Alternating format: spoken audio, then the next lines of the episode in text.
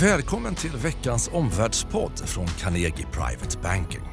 Omvärldsstrategerna Helena Haraldsson och Henrik von Sydow belyser tre händelser inom makro och politik som påverkar de finansiella marknaderna. Det är 4 juli, klockan är 20 minuter över 11. Det är ju nationaldag på torsdag så vi spelar in Omvärldspodden redan på tisdagen den här veckan. Både Helena och jag är på plats i Carnegies huvudkontor i Stockholm. Vi ska dela med oss av tre aktuella analyser och slutsatser för privata investerare. Vi ska prata först om de senaste makroutsikterna. Vart är världsekonomin på väg? Vi pratar om handelskonflikten. Vad väntar nästa steg? Och till sist så pratar vi om två konkreta investeringsidéer som vi tror på i den här marknadsmiljön. Välkommen till Omvärldspodden. Helena, eh, svagare makrosignaler och ökad osäkerhet om vinstutsikterna har lett delvis till den här stora börsoron som vi upplever nu och förväntningar om räntesänkningar framåt. Berätta, eh, vilka är de senaste signalerna just nu? Ja, det är ju svårt kan man konstatera. USA-börsen var ner 3% förra veckan, sämsta veckan hittills i år och historiskt en väldigt svag månad. Och när det gäller räntefallet så har du ju många löptider nu under den korta styrräntan, Fed Funds Rate. Och det här med negativ avkastningskurva, det tolkar ju många som ökad recessionsrisk. Eh, man flyr gärna till ränteplaceringarna när börsen skakar så nu prisar man in två räntesänkningar från Fed i år och nästan fyra inom 12 månader. Mm. Och skälet till de här förväntningarna som har gått ganska fort att prisas in det är ju att både handels och techkonflikt som jag pratat om så många gånger i podden trappas upp men också blir fler. Och det här påverkar nu konjunktur och vinster. Fler, det är Mexiko som initialt ska få kanske, tror vi då man tweeten, 5% tullar från 10 juni om de inte stoppar immigrationen till USA. Men de ska öka till 25 då, 5% varje månad till oktober. Det här var enormt plötsligt besked från Trump. Man har ju omförhandlat till NAFTA 2 och då mitt i allt kommer det här. Den här oförutsägbarheten, det skrämmer investerare. Börsen generellt men framförallt bilaktier och man undrar är det Europa och biltullar nästa. Men sen också upptrappningen. Eh, det står ju överallt i media om hur Kina inte bara inför mottullar utan de hotar med att begränsa tillgången till sällsynta jordarter. Det behövs ju många batterier. Man ska utreda Fedex. Man ska ha en egen svartlista på bolag. Eh, och det är klart, det här skrämmer ju jättemånga bolag. De börjar analysera hur ser leveranskedjorna ut? Var har man tillverkning? Och man undrar vilket blir nästa bolag som svartlistas och vi undrar hur mycket kommer att dämpa tillväxten? Det är en oro vi har. Mm.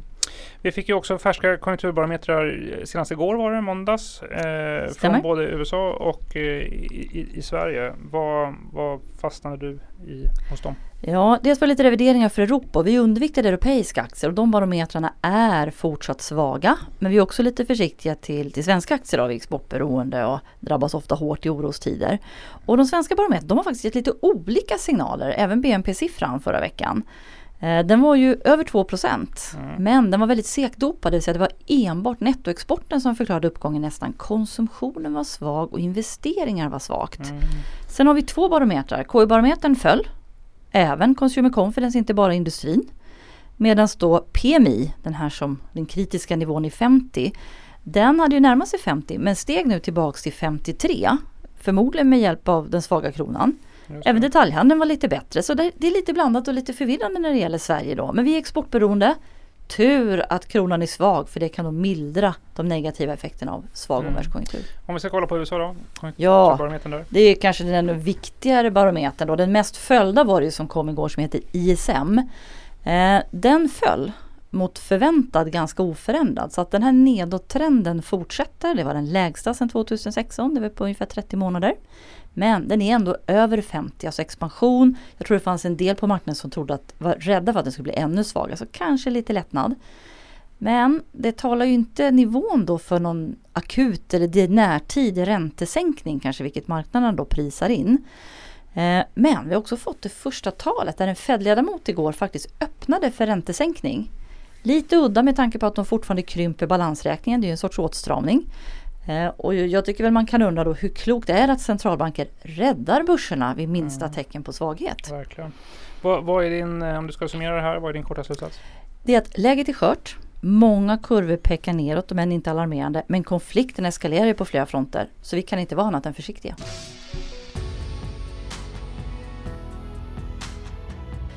Ja, Henrik, du som följer både nyhetsflöde och marknadsläge. Vad i handelskonflikten är det som sänker börshumöret så tydligt? Eh, det får väl ändå sägas vara helheten i, det här. Det som skakar nu är ju då mer än bara tullar. Det är ju det här att Trump faktiskt förändrar reglerna. Han går gradvis ifrån den regelbaserade ordningen för den internationella ekonomin och också för umgänget mellan stater. Trump kopplar nu handelsfrågan och hans favoritverktyg tullar till så att säga andra politiska målsättningar. Ehm, det här blir ett mycket tuffare klimat. Man kan prata om att, så att säga, handskarna nästan är kastade i, i, i handelskonflikten. Konflikten sprider sig också som jag var inne på till, till eh, jag noterade senast här, liksom, tuffare amerikanska visumregler för kinesiska studenter. Så det är så att säga, liksom så här, gradvis glider vi från den så att säga, så här, förutsägbarhet och trygghet och stabilitet som ännu har funnits i en så att säga Ehm, eh, en regelbaserad världsordning byggd på multilaterala institutioner till eh, en mer så att säga eh, tuffare miljö som bygger på bilaterala överenskommelser eller transaktioner så att säga mellan, mellan stater som mer bygger på så att säga liksom just att, att starka stater kan göra upp med varandra. Det otäcka som skrämmer här, eh, det är ju också som en del investerare pekar på, det är så här bristen på motstånd. Trump lyssnar inte på sina rådgivare, institutionerna runt omkring honom håller inte emot. Eh, det där är en viktig faktor att mm, titta på. Det andra är också att, så att säga, om andra börjar då eh, blir tuffare och kastar handskar så får vi en fördjupad och breddad osäkerhet som, som med konsekvenser som vi inte ser än. Alltså. Eh, vi vet uppenbart att företag agerar på de rubriker som, som eh, finns i tidningarna nu. Vi hör liksom hur multinationella företag blir mer försiktiga på att ja, man, man ifrågasätter att man ska lita så mycket på kinesiska underleverantörer och så vidare. Man vill inte ha en produktion där. Då kanske man ska lägga dem i Mexiko, men då kommer det tullar mot Mexiko också. Så det där är, är svårt. Kostnaderna för bolagen att navigera i den här miljön ökar. Mm. Lite mindre global värld låter det som. Men det här med att konflikten tar sig till fler nivåer bortanför tullarna Henrik. Har du fler exempel på det? Du nämnde några. Ja, det är några. Det, det är som man kanske framförallt ska notera att, så att säga, vi har fått en förflyttning ifrån så att säga, liksom importrestriktioner då med till exempel tullar till att nu också kretsa om exportrestriktioner. Från tullar på import till så att säga, liksom, mer embargo eller svartlistningar då. Eh, du nämnde själv att slut, eh, Kina hotar med att sluta då exportera eh, sällsynta metaller till, till USA. Det här är så, liksom så här, potentiellt mycket mer disruptivt.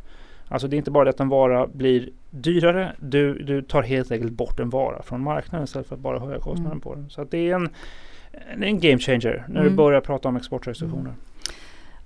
Och börserna skakar ju rejält Henrik. Ändå fortsätter Trump att dundra på. Hur ska man läsa honom tycker du? Det finns ju en, en föreställning som är vanlig, inte minst bland våra, våra aktiemäklare. Det det, och det ligger någonting i det. Det är att Trump kollar väldigt mycket på Dow Jones Index, eller Dojan som de säger då. Eh, ärligt talat så här, tittar man på Trump så gör han ju det mest när börserna går riktigt bra. Då tar han gärna credit för det där. När börserna faller som de gör nu, då är han ju väldigt bra på att placera ansvaret för det hos andra. Populärt har det varit hos framförallt Federal Reserve men också ibland hos eh, dem Demokraterna. Eh, så att säga, men traditionell så att säga, liksom analys av, eh, av en politisk ledare så, så, så, är det inte så att börskurser avgör val framåt. Möjligen kan det spela roll så att säga, i Trumps fall i förmögna förorter på amerikanska östkusten. Börskursen återspeglar ju inte alltid så att säga, liksom, den lokala utvecklingen på fabriksgolven mitt i USA. Eh, där är ju mycket fråga viktigare hur ekonomin går som helhet mm. eh, förstås. Nu ska man väl inte läsa Trump enligt den gängse skolboken. Trump vill att konversationen ska handla om honom. Handlar om honom, då tror han att han vinner och går starkare ur det. Så han kämpar ju för att behålla uppmärksamheten. Det där driver och förklarar delvis oförutsägbarheten kring honom. Mm. Jag tycker vi hålla koll på. Det är en riktig rusare nu då om Trump fortsätter med anklagelserna och försöker påverka Feds räntepolitik. Mm. Då bygger vi in en ja, faktiskt enorm så att säga, osäkerhet och oförutsägbar i hela det ja, internationella finansiella mm. systemet faktiskt. Vad blir den korta slutsatsen av allt det här Henrik? Det var så mycket information. Ja, ex, precis. Håll koll på, det är ett hot där här eh, om det här beteendet att ehm, eh, sprida konflikten till fler områden och med nya verktyg. Om det är fler som tar efter det, då skapar det ytterligare osäkerhet. Helena, i vår nya strategirapport så rekommenderar vi, vi affärsföretag um, om, om en del sektorer och affärer som är skyddade från tullkonflikter. Berätta mer om detta. Ja, bland annat tycker vi att man kan krydda portföljer med amerikanska mikrobolag. Eh, de är inte jättesmå, medianbolaget är väl runt 2 miljarder svenska kronor. Men de är intressanta för de har gått klart sämre än de stora bolagen S&P 500. De har ungefär 90 procent av sina intäkter från hemmamarknaden. De är också ganska stora vinnare på Trumps avregleringar. En del av dem är uppköpskandidater och kanske något som är väldigt spännande är att trots sin storlek så är de väldigt underanalyserade. De följs inte av så många analytiker. Så här tror vi att en aktiv fond kan skapa bra avkastning och att läget just nu då är intressant. Så vi kryddar gärna vår USA-exponering med just mikrokapbolag. Mm.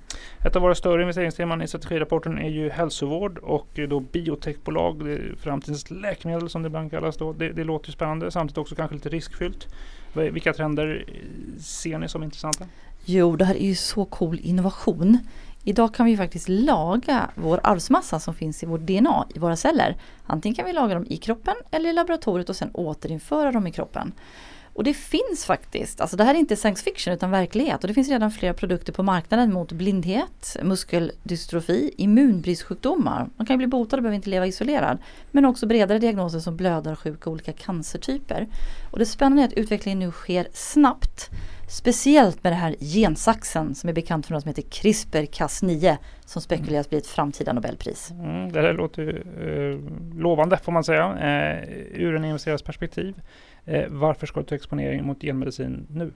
Jo, den här sektorn, framförallt om vi tittar på ett lika viktigt bioteknikindex där bolagen får ungefär samma storlek, då har de släpat efter det breda börsindexet S&P 500.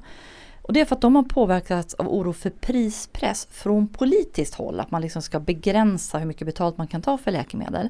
Men där kommer det intressanta. Bolag som är väldigt innovativa, de kunna ta betalt och klara sig bäst. Och genmedicin, det här temat, det handlar ju verkligen om innovation.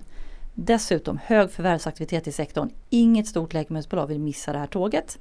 Man har stöd från läkemedelsmyndigheter. De beskriver den här genmedicinen som en hörnsten i framtida behandlingar.